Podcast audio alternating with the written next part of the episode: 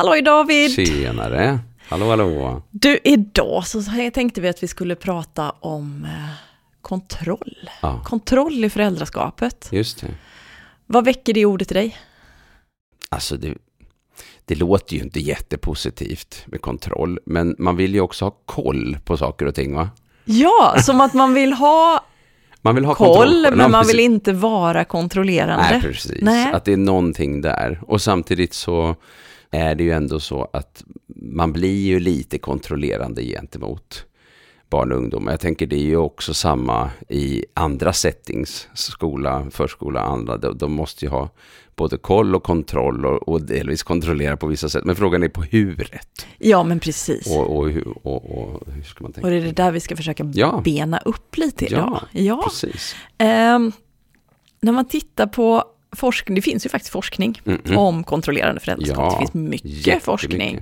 Eh, framförallt så finns det ju en väldigt eh, klassisk bok av Wendy Grolnick, där hon Mm. har skrivit om kontroll Precis. i eh, föräldraskapet.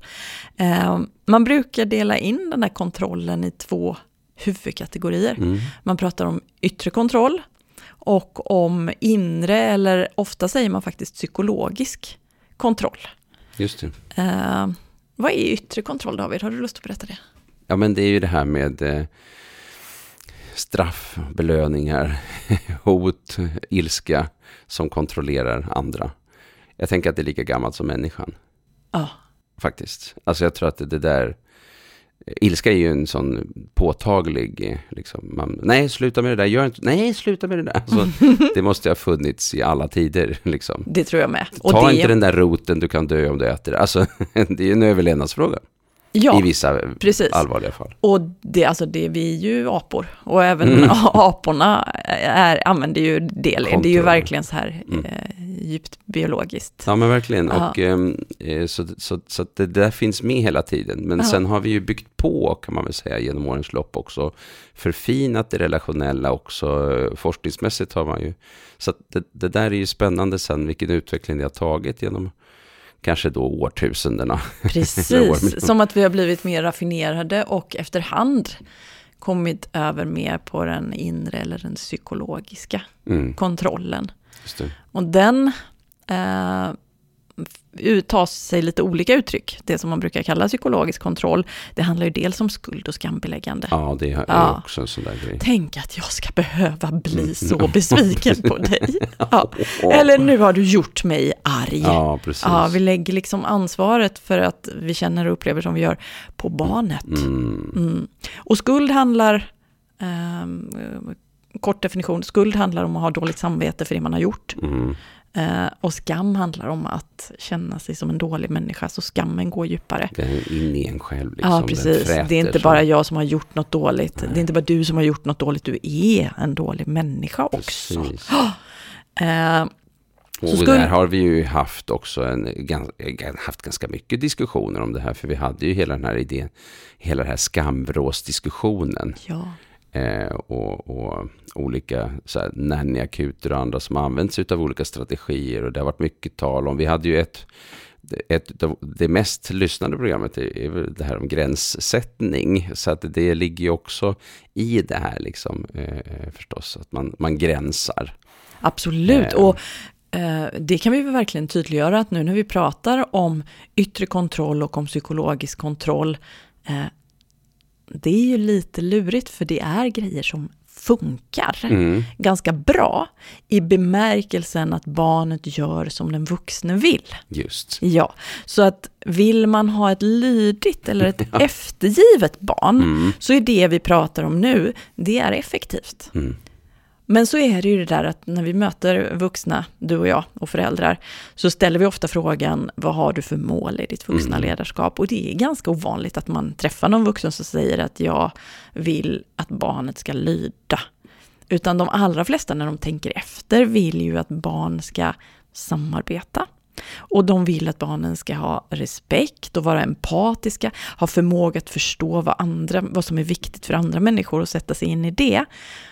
Och det är någonting helt annat än lydnad. Ja, och framförallt eh, när vi tittar på sikt. För att ibland kan folk säga, jo men jag vill att han ska göra som jag, som jag säger i de här situationerna.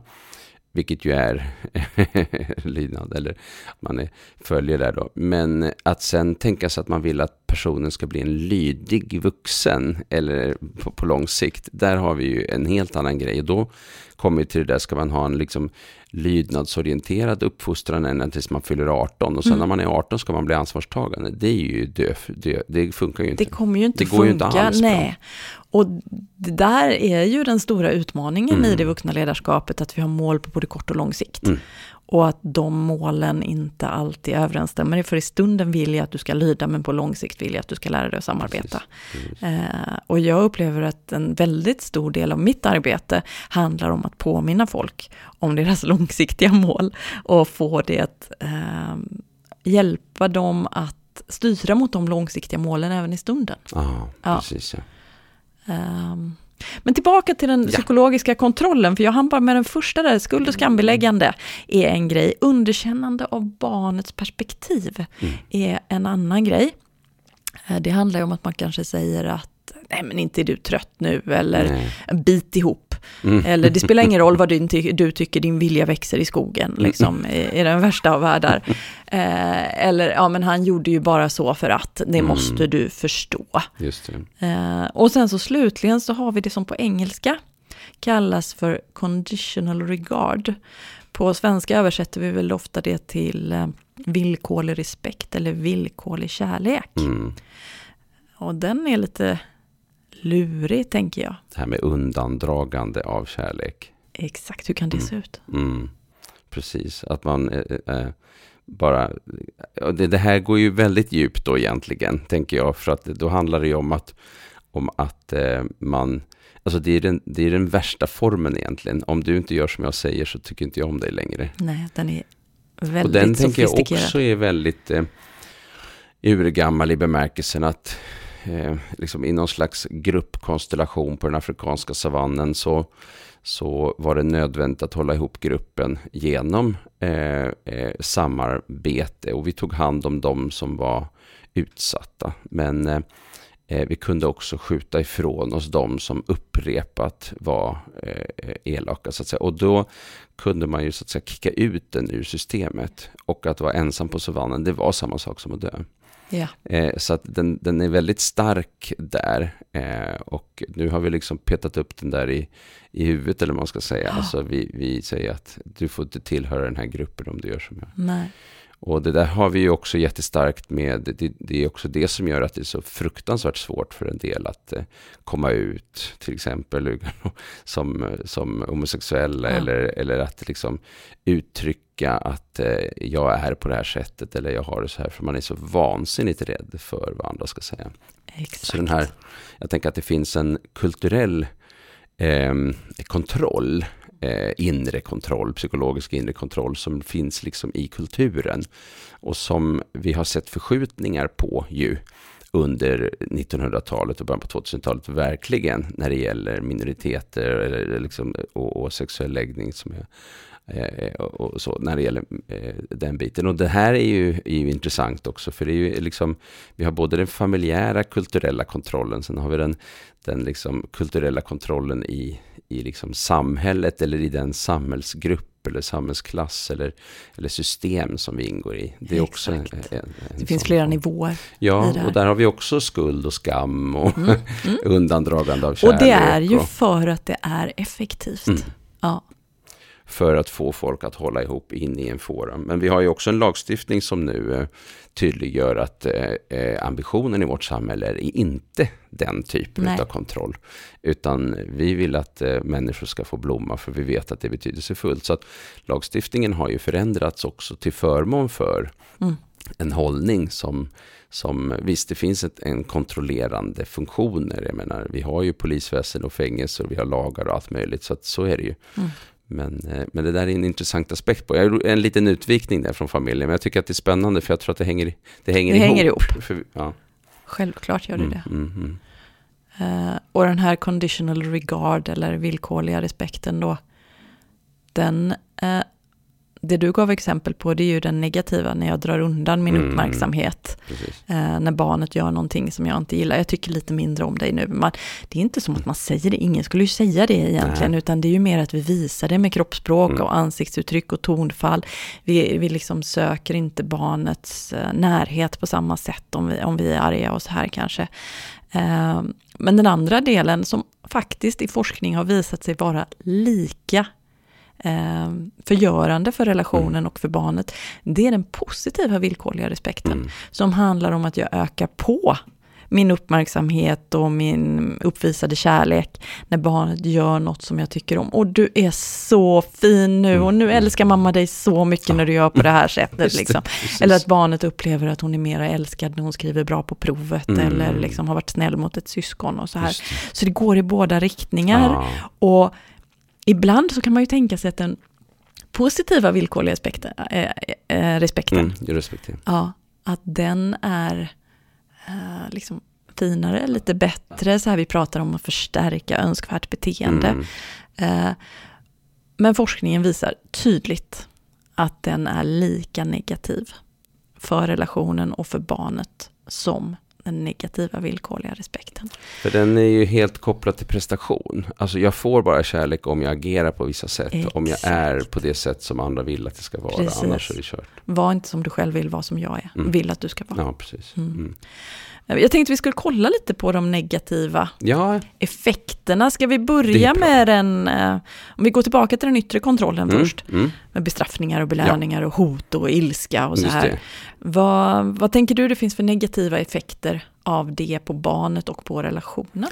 Alltså, eh, eh, det första som jag tänker på faktiskt, jag har jobbat så otroligt mycket med det här med, med personer med olika typer av, eh, ja, som krockar med tillvaron på, helt, eh, på olika sätt. Eh, det kan vara funktionsnedsättningar, eller medel utan diagnos. Liksom, men, eh, eh, och det är ju att alla de här bygger på en idé om att personen har förmågan att göra det som efterfrågas, eh, men bara inte vill.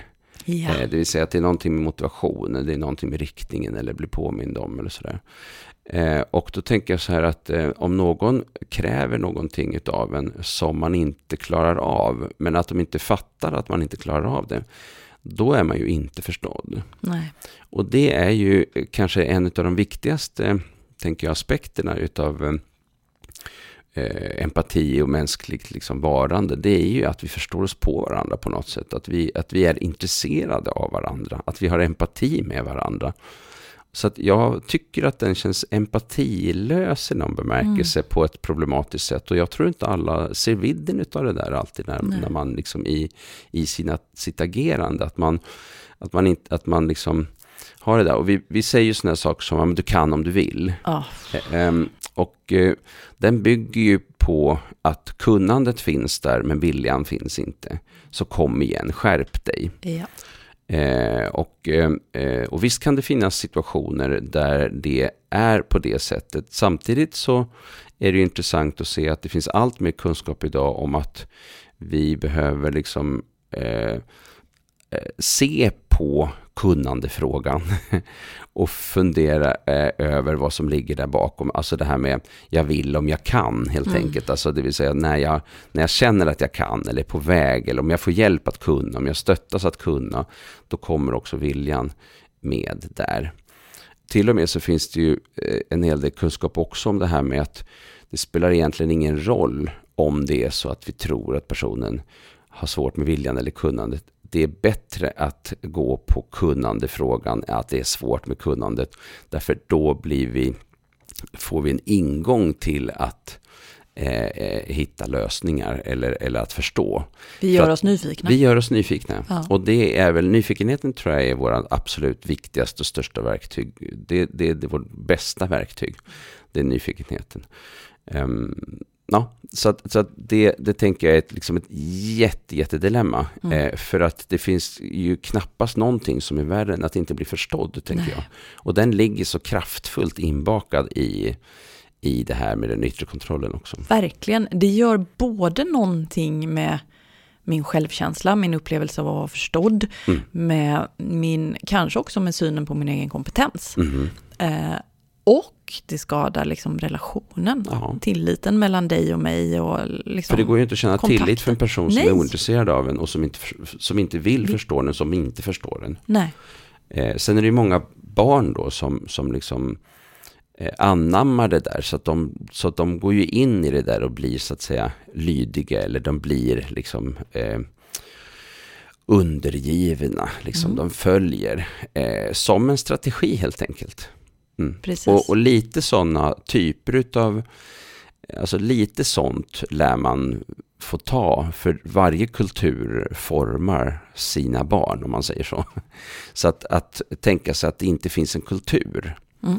Det är ju svårt tänkt. Eh, Däremot så kan man ju fundera på hur differentierad den får lov att vara. ja. Eh, och det har ju med tolerans att göra då. Och tolerans har ju med förståelse att göra. Och viljan till förståelse.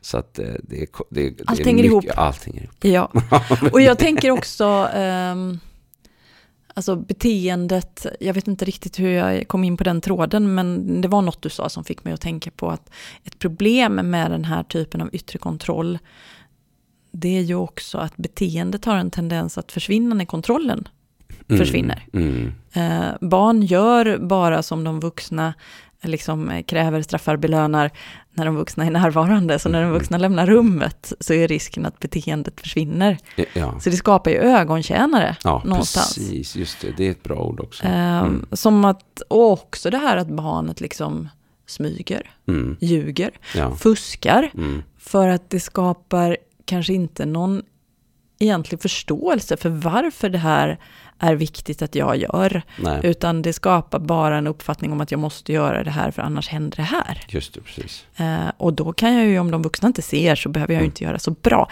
Kvaliteten i beteendet, det har ju också forskning Ja, visat, blir ju oftast sämre Precis. av yttre kontroll. För att ja, man gör det bara för att uppnå belöningen eller för att slippa straffet, inte för att det är Ja. viktigt med prestationen i sig. Och lärandet också. eh, eh, alltså absolut. ren inlärning. eh, Alltså det här med att få 500 kronor varje gång. Alltså det finns de som eh, som har sett att det kan ha haft effekt för vissa barn. Men när man tittar på det på stor eh, gruppsnivå, liksom, Mm. då visar det sig vara negativt. De gjorde en sån jättestudie, nu kommer jag inte ihåg några referenser någonting på det där i USA, med väldigt mycket pengar och väldigt mycket människor eh, för att se om det hade någon effekt. Eh, men eh, det visade sig att i bästa fall hade det noll effekt Mm. och eh, ibland var den mer negativ. Mm.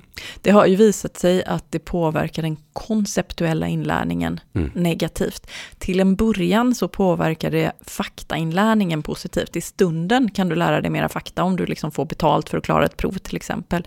Men kommer man tillbaka ett antal veckor senare och kollar igen, vad kommer personen i fråga ihåg? Så visar det sig att de har ju inte liksom förstått det de lärde sig, utan man lärde för stunden. Det är verkligen eh, töm och glöm. Ja. Ja. Ehm, mm. Mm. Ja, sen skapar det ju också trots, tänker jag. Ja, Det är ju någonting som händer i ganska många människor när de att upplever att är de blir kopplat- kontrollerade. det är kopplat till maktkampsfrågan. lite. Ja. Mm. Reaktans är ju ett ord som man Mm. använder ibland i, i den psykologiska forskningen. Mm. Eh, som handlar om att det blir som ett psykologiskt motstånd mot att göra som någon Mm. annan människa tvingar, försöker tvinga en att göra det. Jag kan relatera stenhårt till det. Jag är, jag är ständigt i opposition mot folk som försöker tvinga mig att göra saker. Det, åh, det finns ingenting som triggar mig så mycket som upplevelsen av att någon försöker tvinga mig att göra Mm, något. Mm, mm. Och det finns många treåringar och femtonåringar Ja, som är som precis. jag. Ja, Och andra vuxna också. Väl ändå. ja precis. Ja, nej men alltså jag tänker att eh, man kan eh, reagera olika på det, eh, det vill säga individer reagerar olika mycket på det. Men i grund och botten är det ju egentligen ingen som gillar för mycket av tvång. Däremot så eh, kan ju en del uppskatta struktur Mm. Och tydlighet. och tydlighet.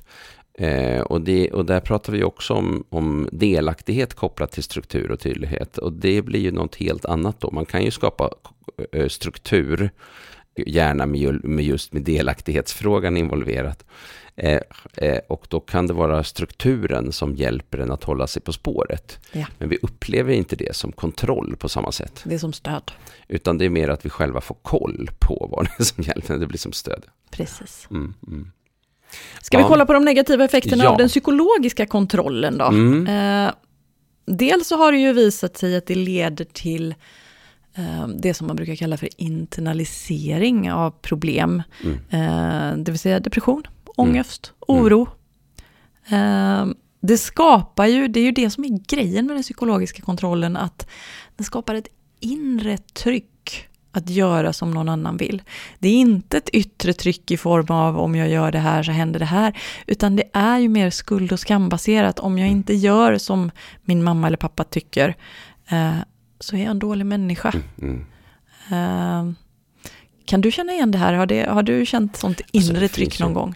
Alltså jag tror att det är ofrånkomligt att människor har det. Ja. Och, och, också i olika utsträckning tror jag. För jag tror att, man, att det alltid finns något mått av det. Eh, men så är det ju förstås. Mm. Alltså, eh, ja, absolut. Eh, komma hem i tid när jag var tonåring. Jag kommer ihåg liksom sådana här, alltså jävlar nu kommer jag sent. Alltså lite den här upplevelsen. jag kan komma på mig själv än idag mm. med att ha inre tryck relaterat till grejer som var viktiga för mina föräldrar när jag bodde hemma. Mm. Um, som att ha rena fönster. Ah, okay. Ja, det tyckte min mamma var otroligt viktigt. Mm. Uh, och jag kan känna så här dåligt samvete när mina fönster är smutsiga. Och att jag borde tvätta fönstren. Och så tänker jag, men bryr jag mig? Nej, men det gör jag ju egentligen inte. Och ändå går jag omkring och känner mig dålig för att jag har smutsiga fönster. Ja, roligt. Ja. Uh, och det är nog ett exempel på, ja, liksom, det, det, blev mm. introjicerat för mig. Om ni vill uh, komma ihåg vad det betyder så kan ni gå tillbaka till avsnittet om motivation. Mm, För där pratade det. vi just om olika typer ja, av motivation. Och extern motivation då, mm. det var det vi pratade om nyss, som den yttre kontrollen leder till. Eh, den psykologiska kontrollen leder till introjicerad mm. motivation. Um, det kan ju också, som sagt, det leder till skuld och skam, men det kan också leda till så här stolthet när man gör, mm. åh, jag är en så duktig människa för jag har så fina Just fönster. Liksom. Ja, men, så, ja. Ja. så jag kan, men det blir som en uppblåst mm. stolthet. Liksom. Mm. Jag känner mig som en god människa för att jag har fina fönster.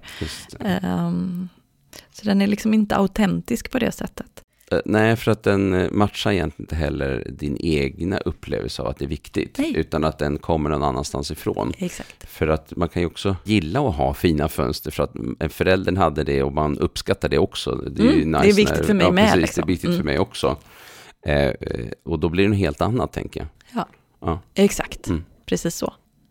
Uh, vad tänker du händer i relationen, David, när man ägnar sig åt psykologisk kontroll? Hur påverkar det relationen mellan barn och vuxen. Det låter inte som att det blir så bra.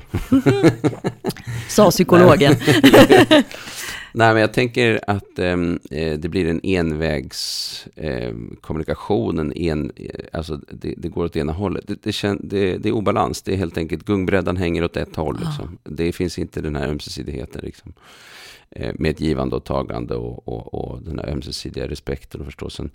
Eh, så det tänker jag är det mest eh, kanske all, allvarliga. Sen är inte jag så säker på att, eh, alltså jag tror, för det tänker jag också är en betydelsefullt, om man tittar på Bamrins forskning, hon eh, kikar ju på det där då med att eh, den här skalan då med att vi har auktoritär i ena änden och, och, och låt gå eh, föräldraskapet i den andra änden och sen i mitten så har vi det här auktoritativa. Men eh, sen kom ju andra forskare som Ellen Skinner och Wendy Grolnick och de där som, som, eh, som inte hade lydnad som utfallsmått utan började titta på autonomistödjande eh, eh, situationer istället. Och, och efterföljarna på Bambrin började ju kika på, på det här med att det är ju inte antingen eller, att antingen är man auktoritär, då är man det alltid. Eh, eller så är man inte auktoritär, då är man det alltid. Utan i verkligheten så är det ju massa olika situationer som uppstår. Eh, så att eh, i relation till eh, att det är klockan 7 och 08 på morgonen och man står i hallen och ska sätta på sig kläder, då blir man liksom som förälder mer auktoritär. Medans en söndag förmiddag klockan 10.22 så ser det annorlunda ut. Då mm. har man mer tid på sig. Och, då, och då landar man i lite olika hållning där, lite situationsbaserat helt enkelt. Ja. Och då tänker jag så att om man vet med sig att man ofta hamnar i jättejobbiga situationer klockan 7.08 på, på morgonen, vilket är en väldigt jobbig stund, eh, så kan man ju fundera på, finns det någonting mer vi kan göra för att styra upp det här? Liksom? Eh, och eh, kan det vara så att det är okej okay för ens barn, om vi säger att man har små barn och det är påklädning, är det okej okay att hålla i, i, små leksaker för alltså att, mm. att man jobbar med att, med, med, att försöka hitta fokus och uppmärksamhet? Kan man ha iPad samtidigt som man klär på sig eller andra grejer? Alltså därför att man får då flyta bättre då. Men den är ju svår också, den är väldigt individuell också tänker jag, för att man måste hitta sin lösning. Och då tänker jag så här att det här med, med ens hållning, eh, att den varierar över tid beroende på också hur stressad man själv är. Mm. Och då tänker jag att eh, en viktig faktor, eh, vi vet ju att stress är en, en viktig faktor för att öka på eh, liksom det kontrollerande sättet. Ju mer stressade vi är, desto mer kontrollerande blir vi vuxna till exempel gentemot barn.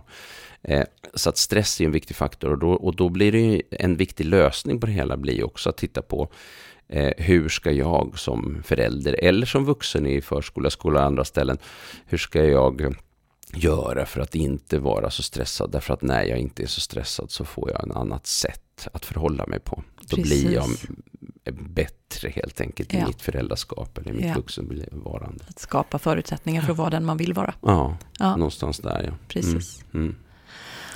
Jag tittar på min lista här över negativa effekter. Ja. Ehm, jag tänker att vi ska komma in och prata också på precis det som du pratade om. Vad är det som gör att föräldrar blir ehm, kontrollerande? Just det. Ehm, men jag tänker att jag vill bara nämna de sista tre grejerna mm, på min lista här. Jättebra. Så att vi verkligen, verkligen, verkligen tydliggör för människor mm. vikten av att inte vara kontrollerande. Rabbit in här nu liksom. Eh, det har också visat sig i forskningen att det leder till en instabil självkänsla mm. hos eh, barnet. Just det. Ja. Eh, och det är ju inte så konstigt. När jag Nej. upplever att mitt värde i förälderns ögon varierar beroende på hur jag beter mig, då blir också självkänslan instabil. Eh, det har visat sig leda till en dysfunktionell känsloreglering. Mm.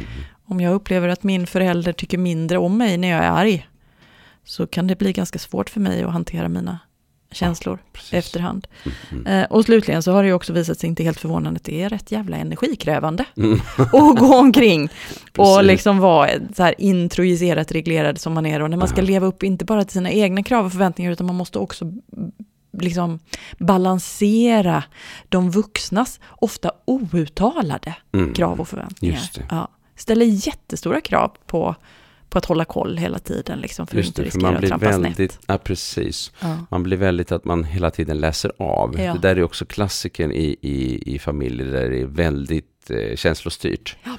Eh, och att eh, barnen blir, blir väldigt uppmärksamma hela tiden på ja. var är känslan just nu. Exakt. Är pappa eller mamma, liksom, eh, eller min förälder här, är, är han eller hon Eh, upprörda, arga mm. liksom. Mm. Och är det mitt fel? För det är också en sån där grej som är intressant, som verkligen är så stark, eh, tänker jag. Och det är det här med att barn tror att det är deras fel om föräldern är arg eller ledsen eller upprörd. Eller barn tror alltid alltså, att allt handlar om att om de, de själva, de är självupptagna ja. på det sättet på, som, man ska, som de ska vara, ja. för det är så de funkar. Precis. Men, och, och, det där tänker jag blir så viktigt för att eh, och kanske faktiskt ännu mer i verksamheter som har fått ett ansvar uppifrån. Staten har liksom ner till kommuner, ner till förskolor, ner till eh, förskolechefer, ner till eh, enskilda då, förskollärare, barnskötare och andra. Att eh, att liksom ha ett uppdrag att sköta, det behöver skötas snyggt. Alltså. Mm. Och det handlar ju bland annat om, om och, det här med att styra genom känslor, styra genom, genom ilska, styra genom hot, styra genom eh, också det här med kärlek eh, när man beter sig alltså, så här starkt mm. liksom, som en styrande faktor. Det är, jag tror att det är ofrånkomligt i, i, i vilken kultur som helst att det finns med. Eh, men jag tror att det är otroligt viktigt att jobba med de frågorna och att hitta ingångarna till det. För att eh, vi är inte i det bästa av världar ännu långt. Alltså det har blivit bättre. Jag menar, men det finns fortfarande ja, utvecklingspotential det, kan man säga. Det, det, det, var ju, det är klart att det, att det har varit värre eh, på, mm. på det hela taget för barn i, i Sverige förr i tiden. Alltså det går ju inte ut, det är ju, så är det ju. Men eh, vi kommer ju och eh, se tillbaka också på idag och, och undra vad höll vi på med. För att vi kommer att bli vassare på de här sakerna. Precis. Varför blir föräldrar kontrollerande då David? Mm. Du var inne på stress tidigare. Mm. Ja. Eh, och det stämmer ju. Alltså mm. tryck i själva liksom eh, situationen kan Mm. man säga Ja, eh, påverkar hur föräldern beter sig. ja. Ja. och jag tänker att eh, det ligger ju nära till hands att tänka sig att man plockar upp ändå vissa spår från sin egen uppfostran. Mm. Så att det finns en slags tröghet i, i eh, kulturell och beteendemässig förändring. Tankemässigt också, att eh, när man själv blir förälder så kan man ju gå tillbaka och fundera på det här gillade jag i min egen barndom. Det här, och det här vill jag absolut inte själv göra. Och en del upptäcker att de plötsligt hamnar i situation där de gör sånt som de Ja. har bestämt sig för att de aldrig ska göra. och, eh, och, så. och då tänker jag på en annan sak också och det är att föräldraskapet är också kopplat till hur barnen är. Det vill säga ett barn som har till exempel eh, ja, men stora funktionsnedsättningar. Det är extremt mycket svårare att vara förälder till eh, ett barn med stora funktionsnedsättningar. Och eh, här finns det också intressant forskning som, som pekar på att vi har alltid, det, det är liksom, vad ska man säga, eh, den vanliga bilden från de som är mindre liksom kunniga på det, det är liksom att barnet formas helt utav föräldrarna och blir så, alltså att det är föräldrar som uppfostrar sina barn och på det sättet blir barnen. Men det finns ju jättemycket forskning idag som pekar på också att eh, nej, det, det, är, eh, det kan vara tvärtom. Eller det finns forskning, jag vet inte om det är jättemycket mer. Eh, att det kan vara tvärtom, det vill säga att föräldraskapet förändras utav vilket barn man har. Ja. Och det där tycker jag är jättespännande. Mm. Eh, och där kommer vi också in på det här med, med tillfälliga situationer, alltså stunden helt enkelt. Att det växlar med stunden, med Mm. situationen. Så är det ju. Både barnets temperament och Ja. också barnets upplevda kompetens Just det, ja, har visat Ja. sig påverka just hur det. föräldern beter sig.